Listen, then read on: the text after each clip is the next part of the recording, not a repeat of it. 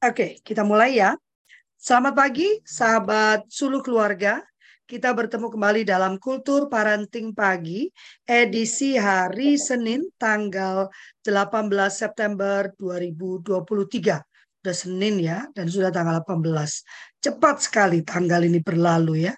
Dan pagi ini masih dengan topik yang sedang kita diskusikan sepanjang bulan September, yaitu tentang peraturan Menteri nomor 73 ya kalau nggak salah ya uh, terkait perlindungan dari kekerasan seksual di satuan pendidikan uh, berbasiskan agama. Jangan Parno, jangan ini dulu ya. Oh, kalau Fli kok ngomongin agama, saya kita tidak mengomongin agama. Ini adalah hasil diskusi dengan Kak Tetri. Uh, karena kemarin kita ikut mendorong keluarnya peraturan menteri ini, kemudian kita ingin tahu apakah ada tindak lanjutnya dan yang lebih penting lagi kita ingin tahu apa sebagai sebuah komunitas uh, kultur parenting pagi atau seluruh keluarga ini apa yang bisa kita lakukan agar peraturan menteri yang sudah demikian indah itu bisa dirasakan oleh anak-anak kita di satuan pendidikan khususnya satuan pendidikan berbasiskan agama. Karena itu bulan ini kita bertemu dengan teman-teman dari agama-agama yang berbeda.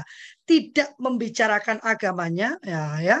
Uh, jadi ini bukan bicara agama ya karena kalau agama apa pun agama yang Anda pilih saya yakin dan percaya dia tidak akan mengizinkan adanya kekerasan ya baik untuk orang-orang yang seagama maupun yang di luar agamanya terutama pada perempuan dan anak.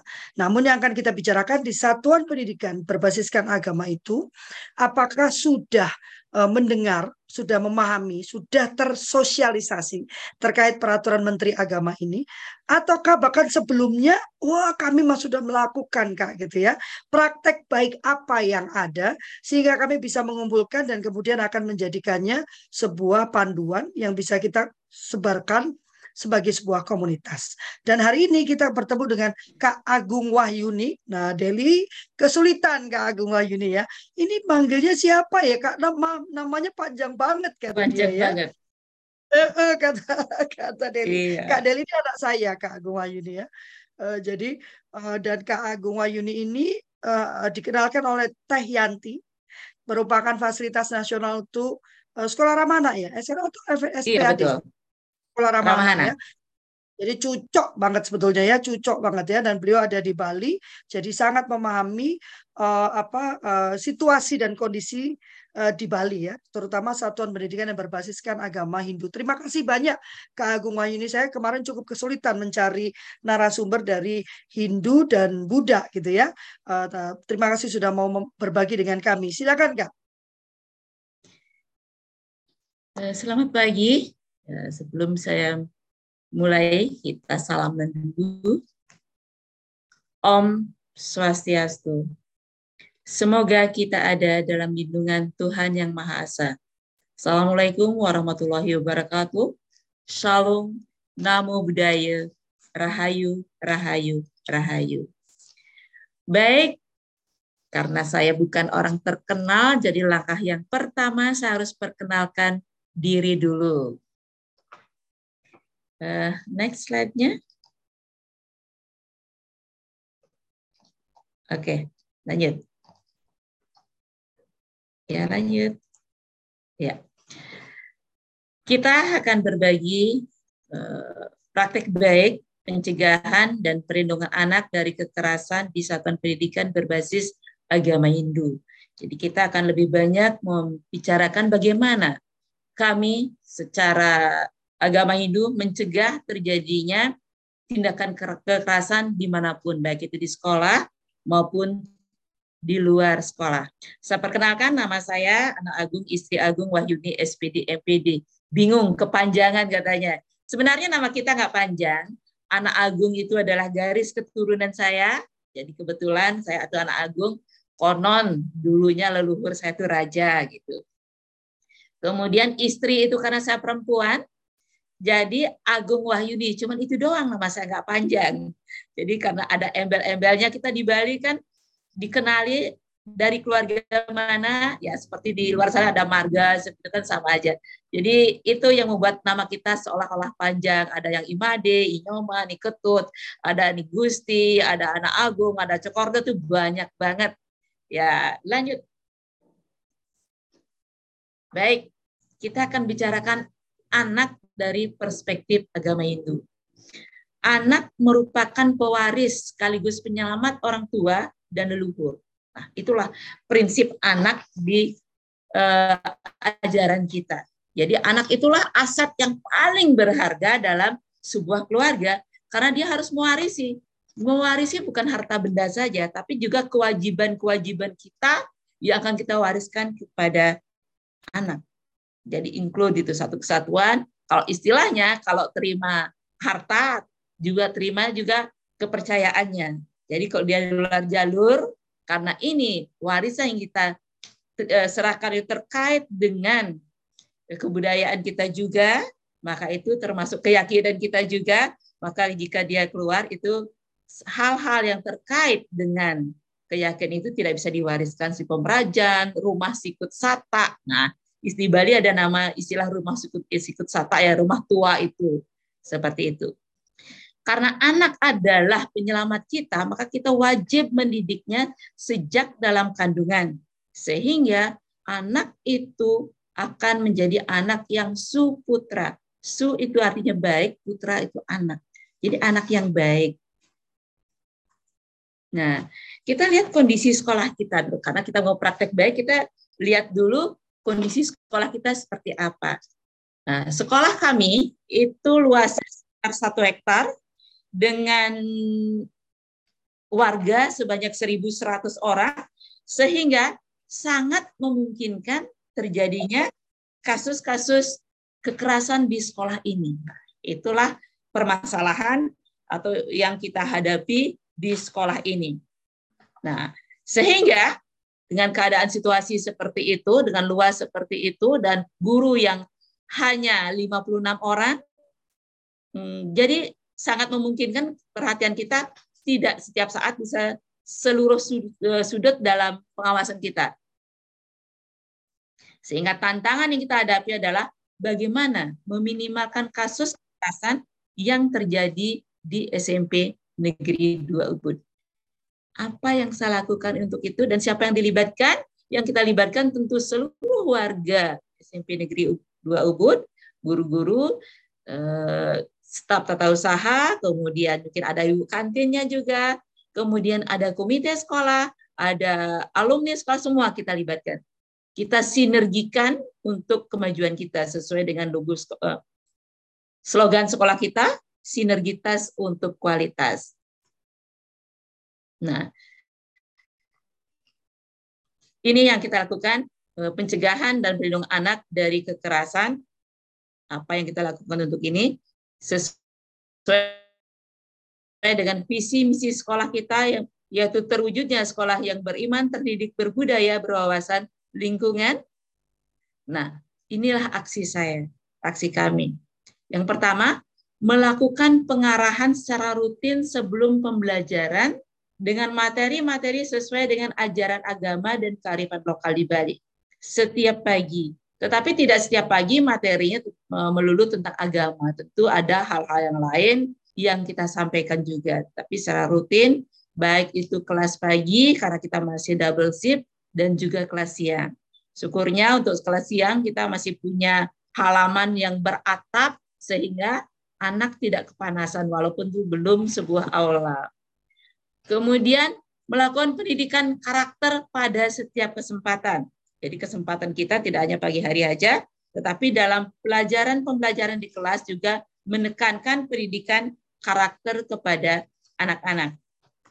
Kita lanjut mengupayakan mengisi waktu luang anak-anak dengan berbagai aktivitas. Saya pikir itu semua sekolah hampir sama ya seperti itu ya Bunda ya. Iya Kak ya, hampir sama.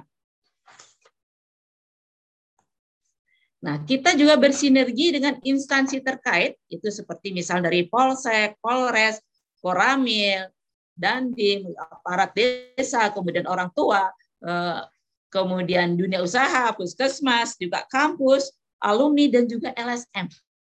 Jadi semua kita libatkan. Sinergitas untuk kualitas. Jadi itu benar-benar kita pegang.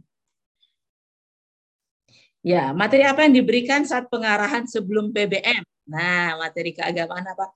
Sebelumnya saya minta maaf seandainya apa yang saya sampaikan ini karena terlibat agama, jadi saya tidak bermaksud untuk menggurui atau menganggap yang lainnya eh, yang lain itu nggak benar atau gimana ya. Saya mohon jangan sampai ada ketersinggungan karena inilah yang ada di kami. Jadi full kita menyampaikan apa yang kami miliki, apa yang kami eh, lakukan. Materi pendidikan karakter yang yang kami sampaikan antara lain itu ada Pancasrada yaitu lima keyakinan dasar agama Hindu, kemudian ada Trisandia, Trikaya Parisuda, Tatwamasi, Trihita Karana, Catur Asrama, Catur Naya, eh, Sanya, dan kearifan lokal yaitu Asah Asih Asuh dan Desa Kalaparta. Desa Kalapatra.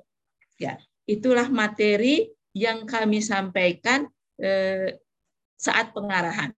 Sekarang apa itu Pancasrada? Pancasrada itu adalah lima dasar keyakinan agama Hindu. Satu, percaya adanya Brahman. Dua, percaya adanya Atma atau Atman. Yang ketiga, percaya adanya karma pala, punarbawa, dan moksa. Nah, apa itu Brahman?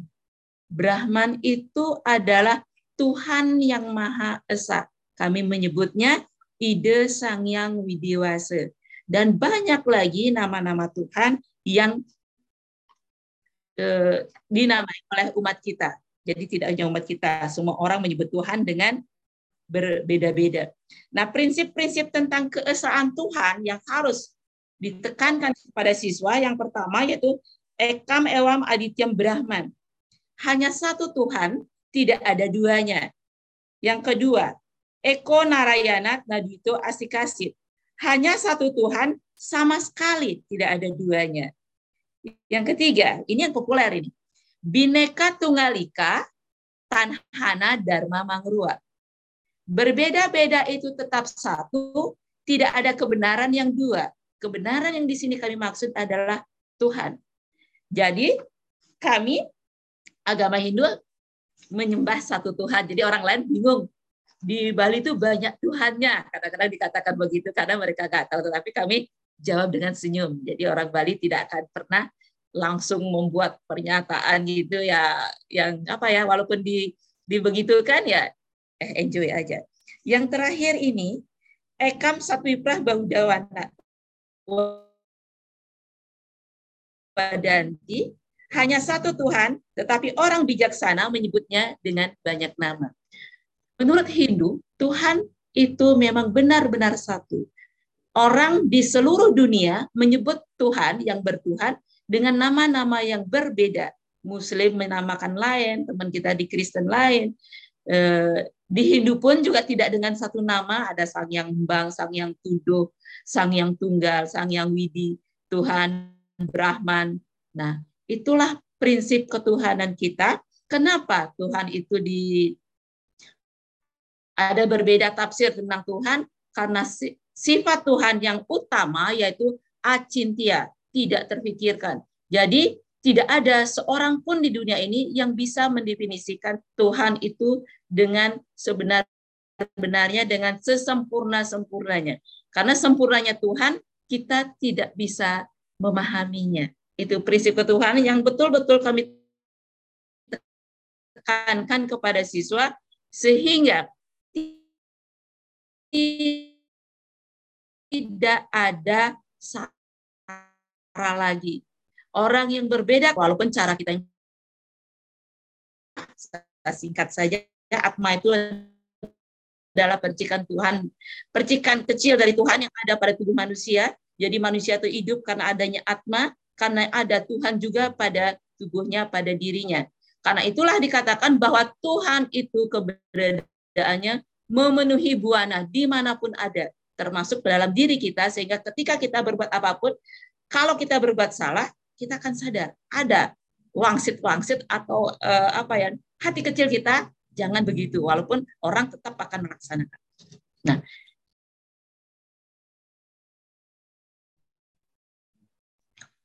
Iya. Untuk backnya.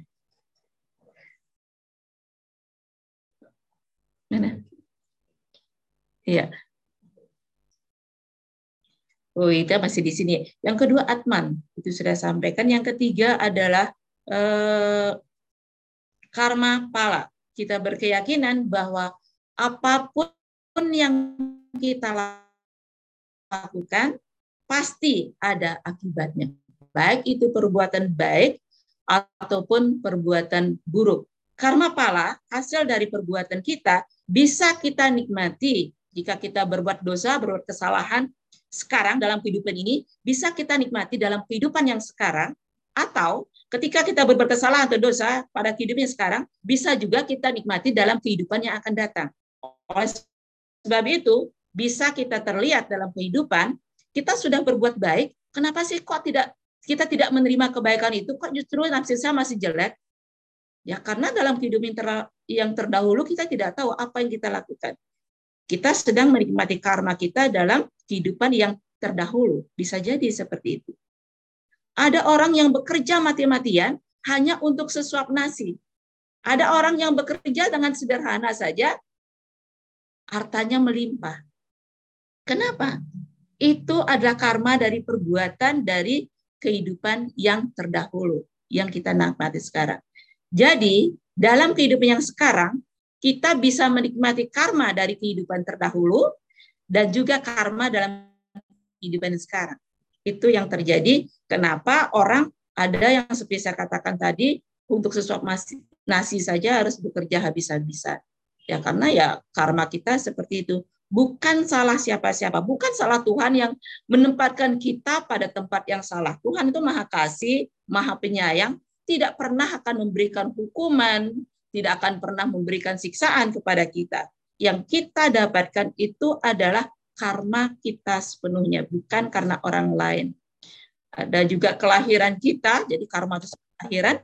Kita yang karmanya bagus, terlahir dengan harta yang di keluarga yang berlimpah, penuh kasih sayang, dan sebagainya. Itu adalah karma bagus kita. Tetapi setelah kita mendapatkan semua itu, kita tidak bisa berbuat lebih baik lagi, ya kita akan kembali ke karma yang lebih buruk.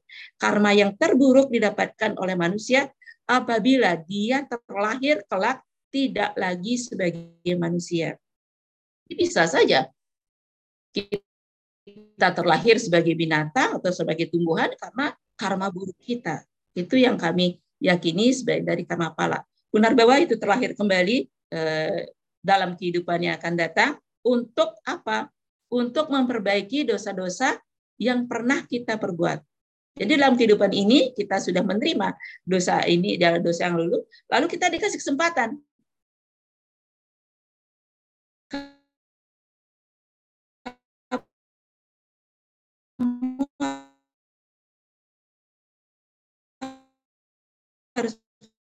Perbaiki uh, Agung kayaknya diri agar kehidupan uh, kelak kamu bisa lebih baik. Kehidupan yang terbaik, ya? untuk karma yang terbaik yang kita harapkan, yaitu moksa. Kembali dunia ini. Itu juga salah satu uh,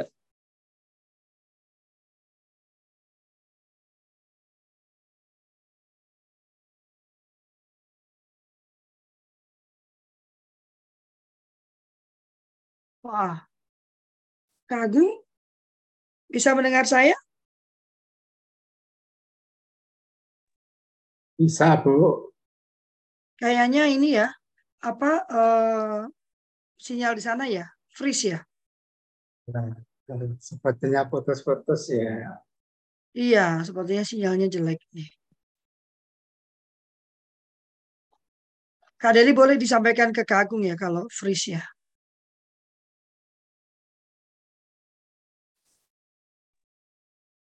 Uh, Kak Agung. Tadi ya, sudah. Suara sudah masuk? Ya, ya. Tadi sempat terputus, Kak. Iya, kita lanjut dengan puji Trisania. Ya, ini yang kita ajarkan kepada siswa kita setiap pagi. Kita melakukan puji Trisania. Kita lakukan tiga hari sekali, tetapi dilakukan pagi hari. Untuk anak siang kita lakukan uh, siang hari, dan yang lainnya dia lakukan di rumah. Puja Trisandia itu adalah eh, apa namanya puja Tuhan yang Maha Esa, ide sang dewasa di mana mantranya terdiri dari empat bait, yaitu bait yang pertama yaitu e, mengagungkan Tuhan sebagai penguasa alam bur buah suah, kami sebut alam bur buah suah. Bur itu adalah alamnya kita, alamnya yang kasat mata. Kemudian buah itu adalah alam yang tidak kasat mata. Dan suah itu adalah alamnya Tuhan. Bait yang kedua yaitu memuja Tuhan sebagai yang Maha Esa.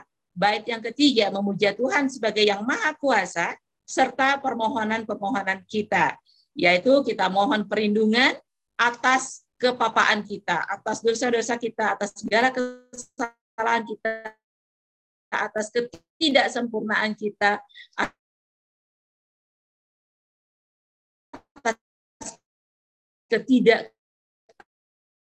ketidaktahuan kita. kelima, kita mohon kebahagiaan. Doa agama Hindu tidak mendoakan si A, kita mendoakan Prani Hitangkara. Jadi setiap orang Hindu berdoa, maka Kak Lokle didoakan akan juga semua didoakan.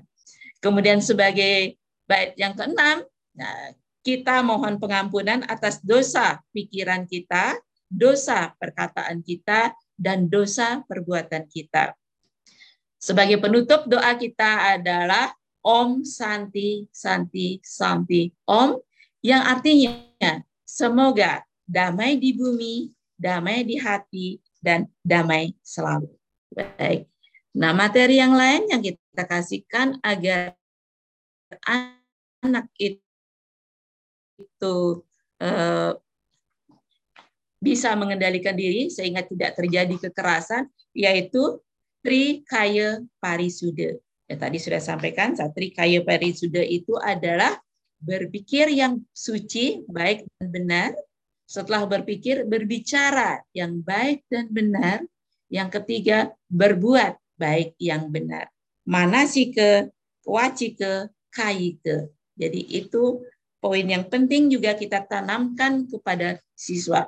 Hal ini senapas juga dengan eh, moto dari sekolah kami, Jenana Wisese Suda. Lahirlah pemimpin yang cerdas bijaksana. Nah, nah di samping itu kita juga tekankan tat proklamasi. Aku adalah kamu, kamu adalah dia, dia adalah aku. Ajaran masih ini menekankan bahwa kita adalah sama.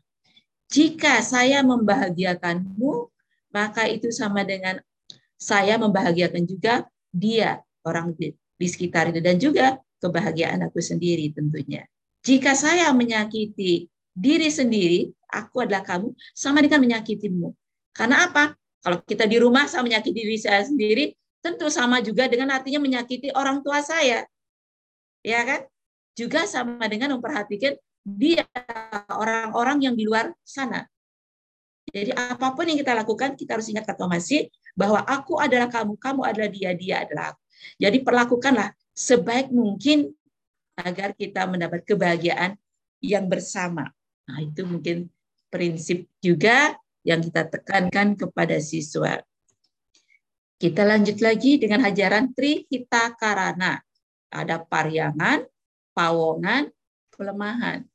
Jadi kalau ini kita implementasikan di rumah kita, di rumah kita ada pariangan, ada tempat suci, tempat sembahyang. Kalau orang Hindu itu punya merajan, kalau orang eh, Muslim mungkin punya ruangan khusus untuk sembahyang atau musola mungkin.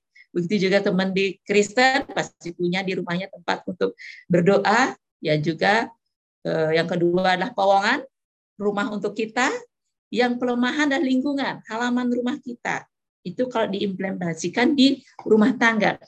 Kita implementasikan lebih luas lagi di eh, apa namanya di desa Peklaman. Misalnya itu ada parhiangan, ada tempat suci, ada pura, kemudian ada rumah tangga, ada pelemahan.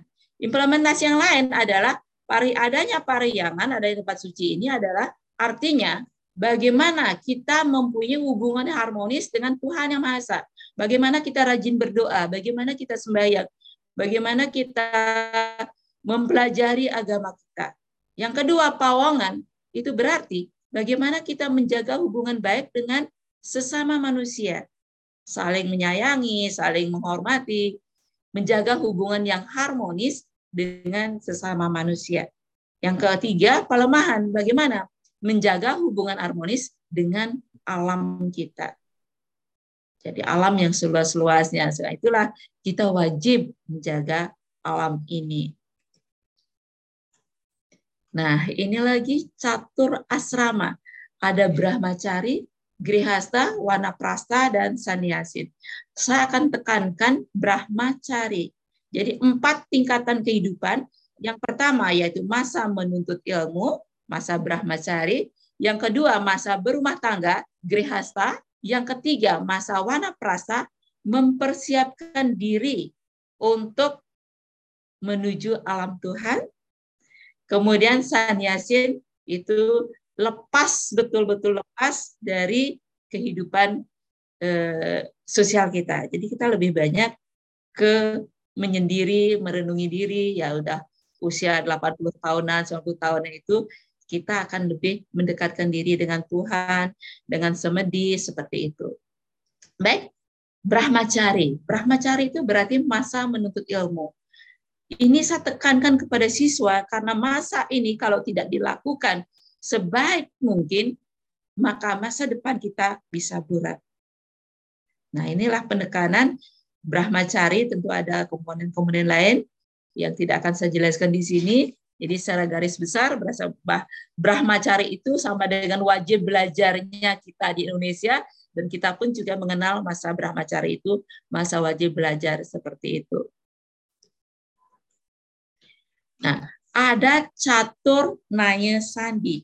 Bagaimana orang tua memperlakukan anaknya. Itu yang pertama, itu ada sama. Artinya, bagaimana orang tua ada dalam padanan sama dengan anak. Jadi, orang tua bersikap sebagai teman, sebagai sahabat, jadi sharing bersama, jadi punya kedudukan yang sama, saling demokrasinya ada di sini. Yang kedua, beda. Kapan orang tua harus bersikap beda kepada anak? Satu orang tua punya jarak. Saya itu guru bagi kamu yang harus dituruti dan harus dituruti. Harus diikuti. Jadi bagaimana kita mengatur kapan saatnya kita sama, kapan saatnya kita beda. Yang ketiga ada dana.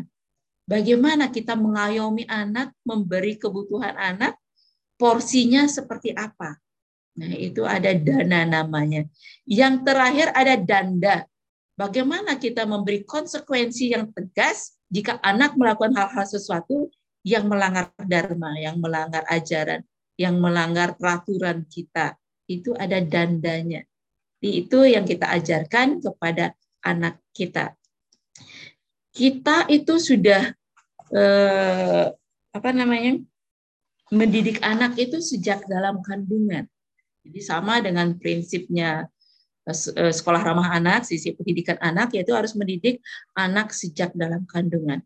Apa yang dilakukan? Kita melakukan di samping mendidik secara modern, tentu ada eh, hal-hal khusus yang selalu dilakukan sesuai dengan ajaran Dharma kita.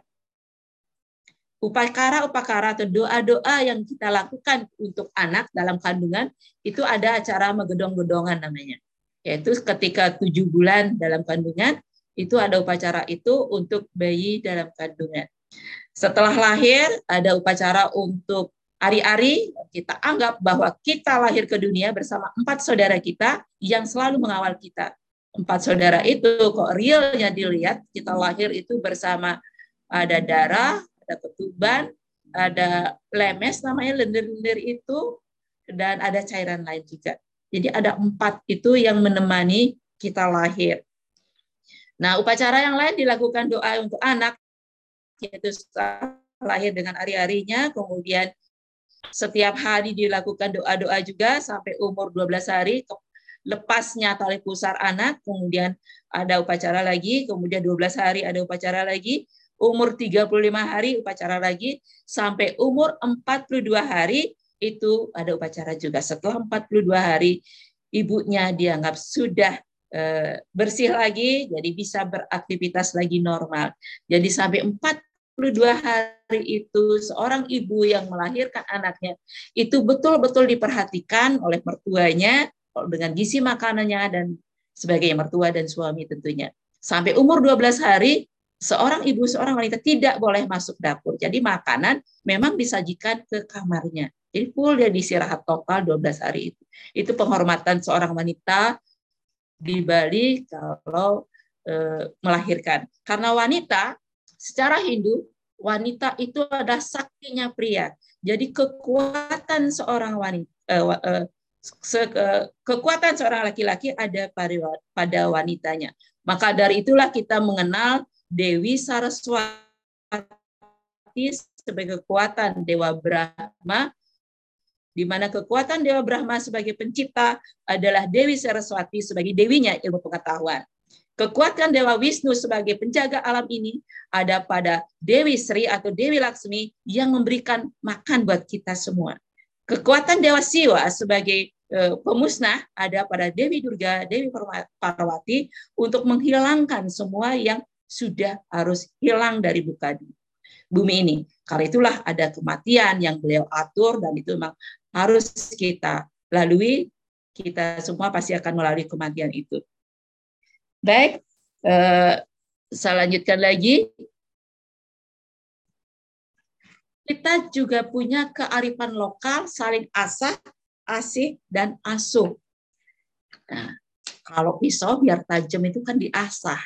Jadi kita juga sama bagaimana kita saling mengasah, saling menginspirasi, saling memberi dorongan, kita berbagi ilmu. Bagaimana kita bisa maju bersama. Jadi tidak sebagian maju, ilmunya dirahasiakan, biar kita aja yang maju, yang lainnya biar tidak. Jadi itu kita tidak mengenal itu, kita yang mengenal saling asah. Bagaimana kita berjuang bersama-sama. Kemudian kita juga mengenal saling asih, saling menyayangi. Saya kira semua agama juga sama mengajarkan itu.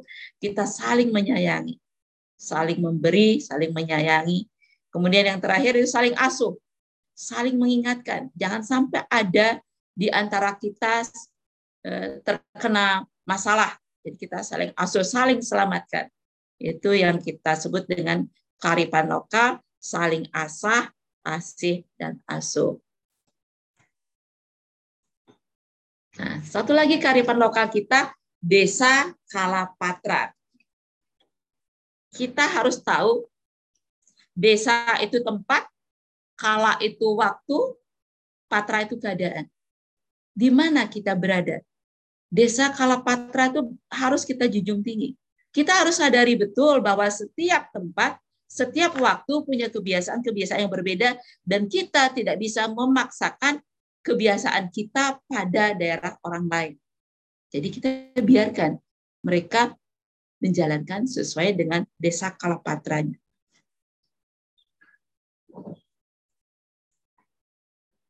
Nah, seperti eh, di sekolah-sekolah lain, tentu kita juga mempunyai kegiatan-kegiatan untuk mengisi waktu luang dengan kegiatan positif yang terarah, terprogram, terukur. Ini foto saat kami lomba gerak jalan indah. Kami menggunakan properti kipas, ya, karena Bali itu memang identik dengan tari-tarian. Jadi seperti ini salah satu kegiatan kita. Ada banyak kegiatan-kegiatan lain yang selalu kami lakukan. Misalnya bagaimana kita memperkenalkan budaya kita kepada anak-anak kita. Budaya kita salah satunya adalah membuat banten atau membuat sesajen, orang lain sebutkan. Bagi kami, Banten itu sesajen itu adalah boleh dikatakan surat kepada Tuhan yang Maha Esa. Karena pemahaman orang terhadap sastra agama untuk di Bali tidak dibuka untuk semua orang. Karena ketika dia mengenal sastra agama, dia harus betul-betul mempersiapkan diri dulu kalau sastra agama itu dalam bentuk rontar-rontar yang sangat disucikan. Jadi ada istilah tulahing sastra gitu. Kalau kita belum siap membaca rontar itu, belum siap kuat atau belum cukup umur untuk membaca kitab-kitab atau eh, materi-materi tentang agamaan, yang masih banyak yang ditulis dalam bentuk frontal, tidak belum disalin ke buku seperti sekarang, itu sangat hati-hati orang yang mempelajarinya. Dan sastra-sastra kita sangat banyak yang tersimpan di Belanda. Karena saat kerajaan dulu jatuh, diserang Belanda, hartanya yang berupa sastra itu banyak ada di sana. Stungkare sekarang sudah banyak yang kembali. Kita mempunyai moto sinergitas untuk kualitas. Nah, seperti dalam foto, eh, SMP Negeri 2 Ubud berkomitmen raih generasi aktif kreatif dalam panggung hiburan dalam ulang tahun sekolah kami. Kami berkolaborasi dengan seniman yang memang sudah punya nama. Dalam hari ini senimannya dengan grup Sadu Mujur. Dan kita libatkan artis kita gabungkan di sana. Tujuannya agar artis kita cepat berkembang menjadi artis yang sesungguhnya kelak. Nah, itu cara kami untuk eh, memberi pendidikan juga kepada anak-anak karena lewat pementasan ini tentu akan kita sampaikan nasihat-nasihat dan juga eh, kita sampaikan dengan cara yang menghibur dan menyenangkan. Nah, ini sinergitas kami juga dengan pihak kepolisian ketika melakukan latihan kepemimpinan, kita libatkan eh, narasumber langsung dari kepolisian untuk memberikan pemahaman-pemahaman tentang bagaimana menjaga diri, bagaimana agar tidak terjadi laka lantas dan sebagainya. Nah, untuk bela tanah air, kita bekerja sama dengan langsung dari eh, TNI. Jadi langsung beliau yang turun langsung memberikan materinya. Sebab kalau kita menyampaikan materi-materi yang seperti itu kurang apa ya? Ya kalau diberikan oleh orang lain lebih serak, lebih anak itu lebih semangat. Jadi kita libatkan dari instansi lain. Nah ini dari sebuah LSM, BCC, Bali Children Club, memberikan materi tentang eh, seks bebas. Jadi bagaimana seks eh, pengaruh yang terjadi jika kita melakukan seks bebas. Kita undang dari narasumber di luar sekolah, Kemudian kita juga bergerak bersama dengan guru penggerak karena kita memiliki enam guru penggerak di sekolah ini, satu orang sedang pendidikan, eh, jadi cukup banyak. Kita juga eh, berkolaborasi dengan puskesmas mengenai kesehatan reproduksi.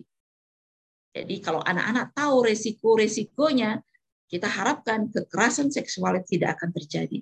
Jadi semua orang sudah memahami kami itu.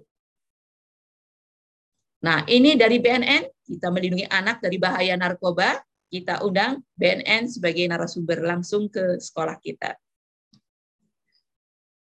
Nah, apa yang saya dapatkan setelah melakukan semua itu, nah jelas kasus bullying itu dari 10 kasus dalam satu semester jadi dua kasus dalam satu semester. Kasus bullying di sini tidak ada kasus bullying kekerasan fisik. Jadi kasus bullyingnya paling kekerasan kata-kata yang kemarin ada anak nangis karena dia dipanggil dengan nama orang tuanya. Jadi dia nggak terima nama orang tuanya disebut-sebut sebagai nama dia sendiri. Karena di Bali itu orang seorang setelah setelah menikah, setelah punya anak dipanggil dengan nama anaknya. Mungkin unik ya. Saya namanya misalnya Ibu Agung Wahyuni, eh, kalau saya punya anak namanya Gung Mas itu misalnya. Siapa tuh? Ibunya Mas dipanggil tadi namanya Pak Agus. Setelah dia punya anak namanya Wira, dia panggil siapa tuh? Pak Wira atau bapaknya Wira. Nyanya sering hilang. Ya, itu sering dipanggil itu seperti saya juga. Nenek saya saya tidak tahu namanya, waktu dulu saya panggil dia Niang Gianyar karena dia tinggal di Gianyar. Jadi sebutannya Niang Gianyar atau Niang Guru profesinya. Jadi kita tahu profesi dia nama dia setelah nanti betul-betul kita mengenal gini. Walaupun kita tahu tetap saja kita mengistilahkan itu tidak akan memanggil namanya suatu penghormatan buat buat lelu, uh, tetua kita. Yang kedua, tidak ditemukan kekerasan di sekolah, memang sudah tidak ditemukan sejak lama, dan tidak ditemukan kekerasan seksual di sekolah. Baik, sekian uraian saya. mungkin panjang, semoga saya tidak menjemukkan. Pukul 8.56 kita punya waktu lagi banyak 14 menit untuk diskusi tukar-tukar pendapat. Silakan. Terima kasih Kak. Uh, luar biasa ya yang sudah dilakukan di sekolahnya. Tapi ini sekolah negeri ya Kak ya? Artinya iya. masih ada di bawah Kementerian Pendidikan dan Kebudayaan Ristek ya? Iya betul. Ya, tadinya saya berharap yang ada di bawah Kementerian Agama ya. Karena kalau Kemendikbudristek itu kan bahkan sudah sampai ada Fasnas ya, sudah ada sekolah ramah hmm. anak ya. Jadi lebih walaupun dia juga mengeluarkan Kemendikbud terkait pencegahan kekerasan seksual ya. Uh, uh, cuman hmm. yang menurut saya masih jadi gunung es yang belum ter terjamah ya itu adalah yang memang berbasis agama. Nah, kalau kalau SMP Negeri 2 ini kan saya rasa bukan berbasis agama ya. Cuman ya. kebetulan mayoritas muridnya karena berada di Bali, mayoritas beragama Hindu. Demikian ya. Mayoritas kan, bukan semua ya. Iya. Ya. Oh, gini Mbak, kalau di Bali kayaknya tidak ada sekolah khusus yang seperti madrasah itu untuk Hindu kayaknya kita nggak belum punya. Okay. Kita belum punya itu. Jadi kita menjadi nasional saja. Berarti uh, di kalangan teman-teman Hindu itu tidak ada persekolahan atau satuan pendidikan yang di, langsung di bawah Kementerian Agama nggak ada ya? Nggak ada. SMP kita nggak ada. Oke. Okay. Nah teman-teman ada yang mau ditanya karena menarik sekali tadi ya. Jadi uh, kalau saya bisa simpulkan pendekatan pencegahannya itu lebih pada uh, penerapan uh, keagamaan ya, memperkuat iya, pemahaman keagamaan anak-anak dan uh, dan penerapannya sehari-hari. Benjamin ini sudah membuka. Mohon begini ya, disclaimer dulu. Tidak memperdebatkan agamanya. Betul. Ya, kita di dalam suluk keluarga dalam WhatsApp grup kita pun saya selalu menekankan kita tidak sedang memperdebatkan agama. Kita menghormati agama masing-masing, kita mendiskusikan tata cara. Ya, tata cara. Walaupun tadi Kak Agung luar biasa nih, saya jadi tahu lebih banyak tentang uh, tentang agama Hindu ya. Terima kasih ya. Cuman kita tidak memperdebatkan uh, keyakinan Hindunya, tapi kita akan mendiskusikan tata cara praktik baik mereka. Ya, oke Kak Benyamin, ada yang mau disampaikan? Ada yang mau ditanyakan?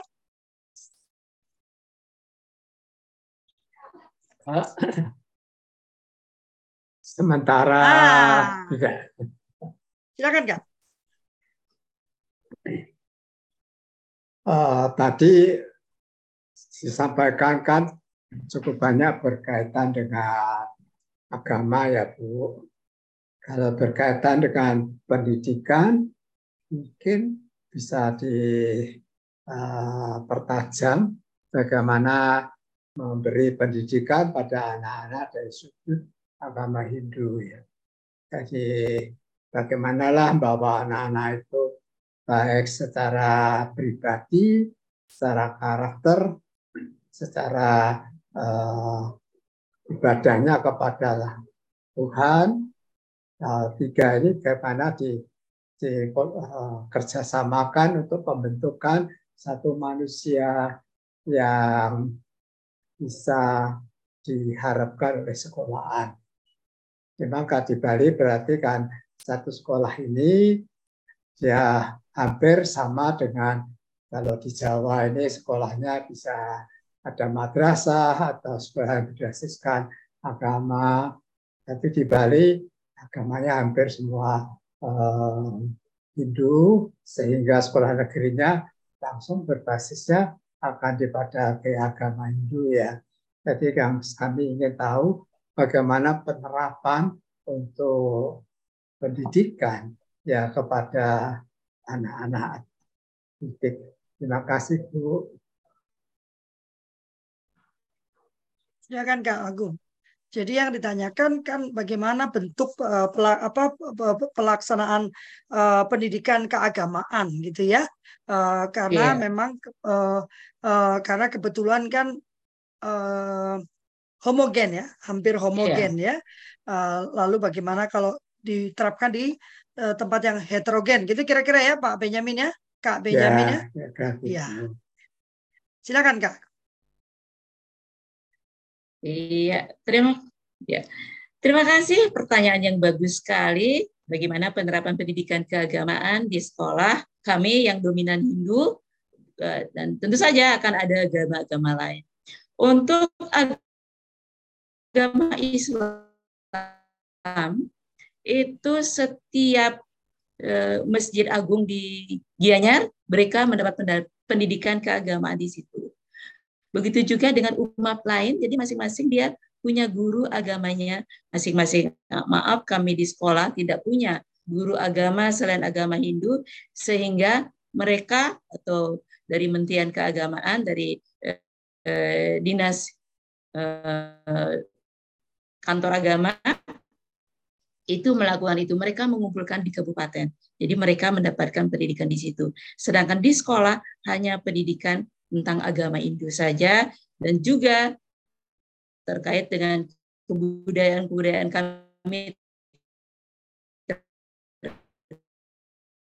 terkait dengan agama apakah itu yang menari, nari-nari menari menari sakral oleh anak-anak seumur SMP itu kami ajarkan di sekolah.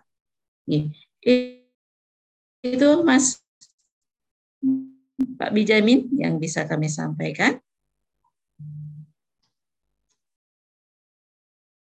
Jadi mungkin lebih sederhana gitu ya karena kebetulan memang lokasinya membuat anak-anak ini homogen gitu ya.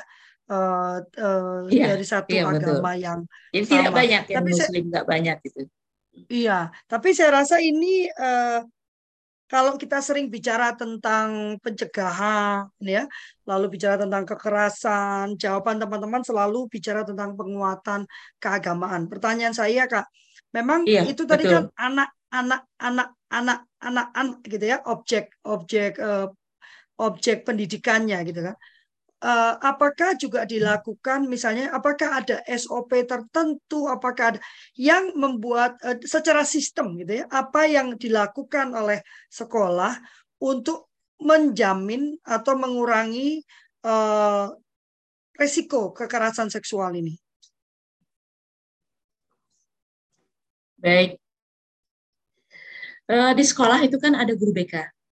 Guru BK di mana kita di eh, di ruang BK itu kita sudah siapkan sebuah ruangan untuk konsultasi khusus. Misalnya si A punya problem itu untuk menyampaikan itu saya mau saya punya masalah, saya hanya berbicara dengan guru BK itu ada empat orang, saya mau bicara hanya guru A saja.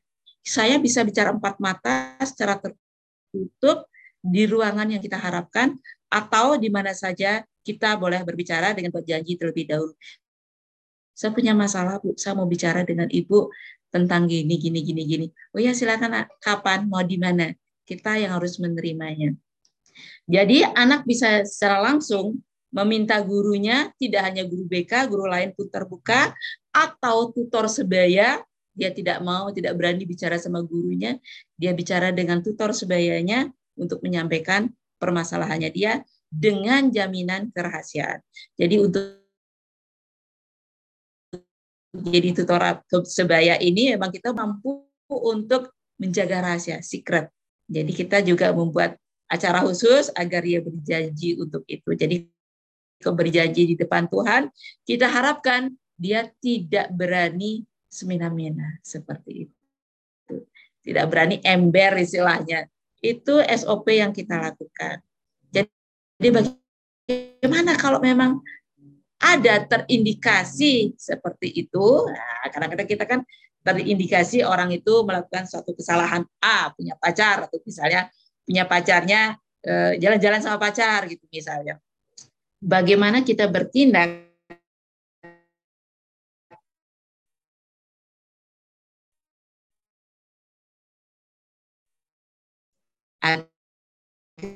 agar ikannya terarti betul-betul silent kita tidak perlu dibuka eh teman kamu lupa kan mungkin kita bicara begitu itu yang kita lakukan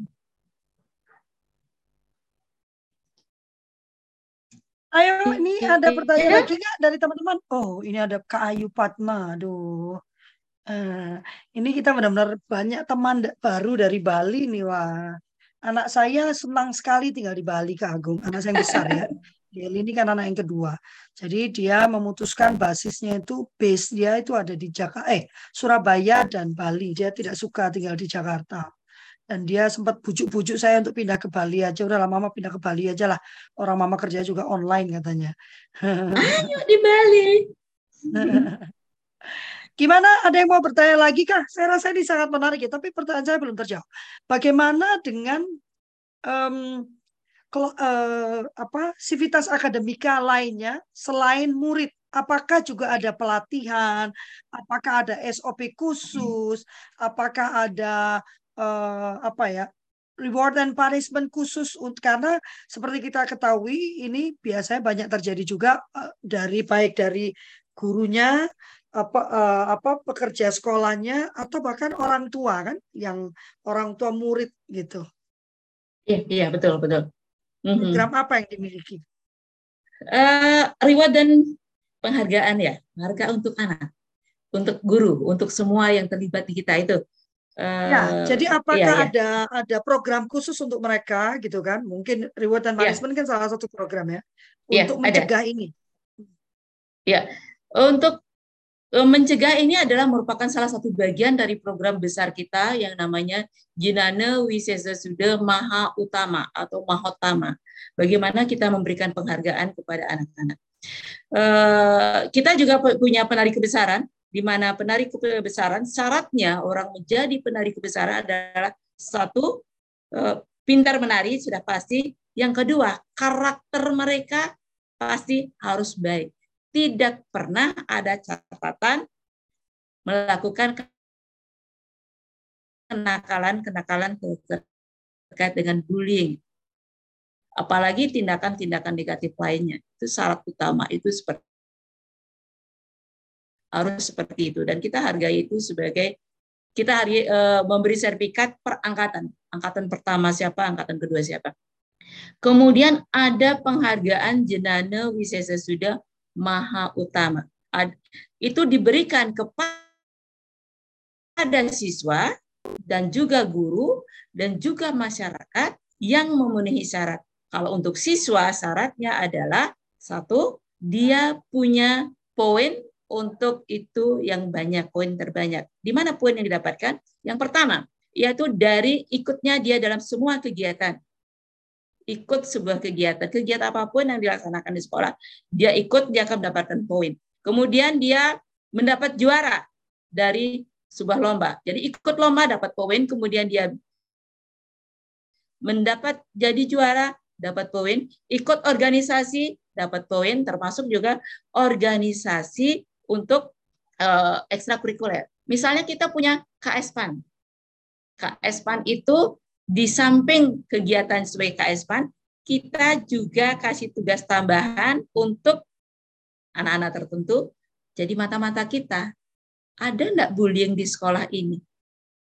Itu harus ada mata-matanya, kita nggak mungkin loh lihat langsung, atau kita pandrangi CCTV terus-menerus, nggak mungkin. Ada laporan, baru kita bisa cek. Begitu juga anak, eh, apa namanya, anak KSPAN, anak OSIS juga menjabat tugas, tapi tidak semua anak karena tidak semua semua anak bisa saya kasih kepercayaan seperti itu. Kita harus pantau dulu. Oh ya anak ini kayaknya bisa kita jadikan spionase kita. Ya, tapi dia sendiri juga tidak temannya juga tidak tahu namanya spionase ya tidak tahu itu kita punya. Jadi emang dia sering berhubungan dengan kita, sering datang ke ruangan kita, teman-temannya tidak tahu. Kadang-kadang dia ngajak teman yang tidak ada urusannya dengan spionasenya, ya diajak teman yang biasa aja, jadi dia bicara biasa aja besoknya ada hubungan dengan itu, mungkin dia sendiri nyelinap ke ruang kita itu. Si gini tuh ada kasus gini loh Bu di sini, ini ini ini di media sosialnya statusnya begini loh Bu. Nah, itu dari situ kita bisa melihat. Ya. Itu yang kita lakukan di sekolah kita. Juga penghargaan pada guru-guru berprestasi itu sudah pasti dan kita emang sudah punya penghargaan khusus dan yang kita serahkan ini penghargaan kalau jenana wisesa sudah maha utamanya kita serahkan setahun sekali di mana itu poin itu didapatkan anak dari kelas 1 sampai dengan kelas 7. Itu sekian poin itu. Poin maksimal yang kita dapatkan itulah pemenangnya. Kita umumkan dan setiap semester dia tahu poin yang dia punya. Setiap anak tahu begitu. Itu cara kami memantau keberadaan anak. ini ada uh, sharing dari Bu Rina ya. Katanya, terima kasih Bu Agung sudah berbagi pengalaman dalam mencegah kekerasan seksual di sekolah yang luar biasa. Izinkan saya menyampaikan pengalaman kami untuk penguatan karakter anak yang senada dengan sekolah Ibu Agung. Saya Rina, guru BK di SMA Kristen 1 Salatiga. Salam Kak, Salatiga. Kami di SMA Kristen 1 Salatiga kebetulan juga sudah menerapkan hal tersebut. Bekerja sama dengan orang tua, kelas aspirasi, TNI, polisi, puskesmas, dan kawan-kawan perguruan tinggi. Semakin banyak energi anak disalurkan dalam kegiatan kegiatan yang mengembangkan karakter anak terbukti mengubah pola pikir dan karakter anak. Di sekolah kami ada kegiatan broadcasting pada saat istirahat mereka memutar lagu-lagu yang menyegarkan dan menenteramkan hati juga pada kesempatan bagi anak-anak untuk memberikan salam, oh, menyemangati, menguatkan, ada juga uh, kegiatan pentas seni yang menyalurkan bakat potensi. Terima kasih Ibu sudah berbagi pengalaman. Ya, sama-sama luar biasa ya. ya. Uh, saya nanti saya rasa nanti ada. ini sudah bisa ya. Ya, pentas seni juga sama, ada. Iya, sudah bisa jadi masukan kita juga untuk membentuk nanti teman-teman waktu di akhir bulan minggu depan ya, di hari Jumat ya. uh, saya dan Tayanti uh, akan memandu kita untuk melihat apa yang bisa kita lakukan sebagai sebuah Eh, komunitas ya untuk mendorong praktek baik praktek baik yang sudah dikerjakan oleh teman-teman. Sudah 8 lebih 12 Ibu, mungkin bisa kata penutup sebelum nanti saya tutup. Iya. Terima kasih kepada teman-teman yang sudah ikut kegiatan hari ini. Terima kasih juga atas kepercayaannya saya diizinkan mengisi acara ini dan saya mohon maaf jika selama menyampaikan materi ini ada yang kurang berkenan sehingga eh, tidak sesuai dengan yang diharapkan. Saya tutup dengan para mesanti. Om Santi Santi Santi Om. Wah, luar biasa. Luar biasa loh. Tadi saya sambil ngeliatin yang yang teman-teman yang dari Bali ini semua langsung uh, pada sikap yang tertentu ya. Wah, Luar biasa yeah. ya. Aduh. Oh, sekolah saya di, ini Bunda Sowia ini. Gurunya dari agama Hindu dan menerapkan multikultural sejak dini. Wow. Ya, kita lanjutkan diskusi di grup kita karena waktu sudah makin siang ya. Saya tahu teman-teman harus kembali ke ke aktivitasnya masing-masing. Terima kasih. Uh, minggu depan, uh, sorry, hari Jumat, moga-moga Pak Sodik masih oke okay ya. Tapi kita akan mendengarkan dari sudut pandang Eh, satuan pendidikan berbasiskan agama Islam ya. Nanti saya akan coba uh, konfirmasi kembali ke asistennya apakah beliau masih oke okay, ya. Uh, dan hari Senin uh, hari Senin Kak Dani apakah bisa menggantikan saya? Saya itu salah bikin jadwal jadi aku jam 8 tuh terbang jam 8 kurang tuh terbang ke Balikpapan. Jadi moderator? Iya. Bisa, bisa. Oke, siap. Jadi nanti aku pastikan karena saya salah bikin jadwal, aku terbang ternyata. Begitu ya, terima kasih banyak atas nama kami berlima sambil diberikan hatinya sebelum saya lupa ya uh, supaya Kak Deli bisa mengambil foto boleh dibuka kameranya ini ini guru-guru di Bali ini cantik-cantik luar biasa loh nah, berarti saya sekolah di Bali aja enak ya Tayanti udah sampai Suta belum Salam kenal juga Kak Rina dari Tangerang Selatan. Alah, Tangsel. Ya, atas nama kami berlima, kami mengucapkan terima kasih yang luar biasa. Hari ini mencapai 35 orang ya. Kebanyakan teman-teman dari Bali. Wow, salam kenal. Ya, silakan bergabung dengan WhatsApp grup kami terbuka untuk semua dan tidak berbasiskan pada agama tertentu. Uh, kultur parenting pagi ini dimaksudkan untuk menjamah sebanyak mungkin orang tua. Ini kegiatan gratis, tis, tis, tis. Jadi silakan dibagikan orang tua, guru, calon orang tua ya eh, dan narasumbernya tidak satu orang eh, supaya sudut pandangnya beragam ya. Dan kami mengucapkan terima kasih atas eh, perhatiannya dan juga kesediaannya bergabung ya uh, dan memohon maaf yang sebesar-besarnya apabila ada pernyataan, perkataan, sikap atau gestur yang kurang berkenan.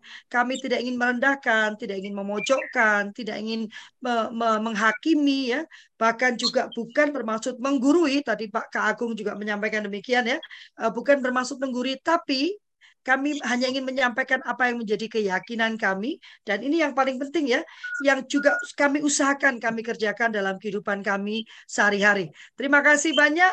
Wassalamualaikum warahmatullahi wabarakatuh. Tuhan memberkati. Kagum terima kasih. Wah.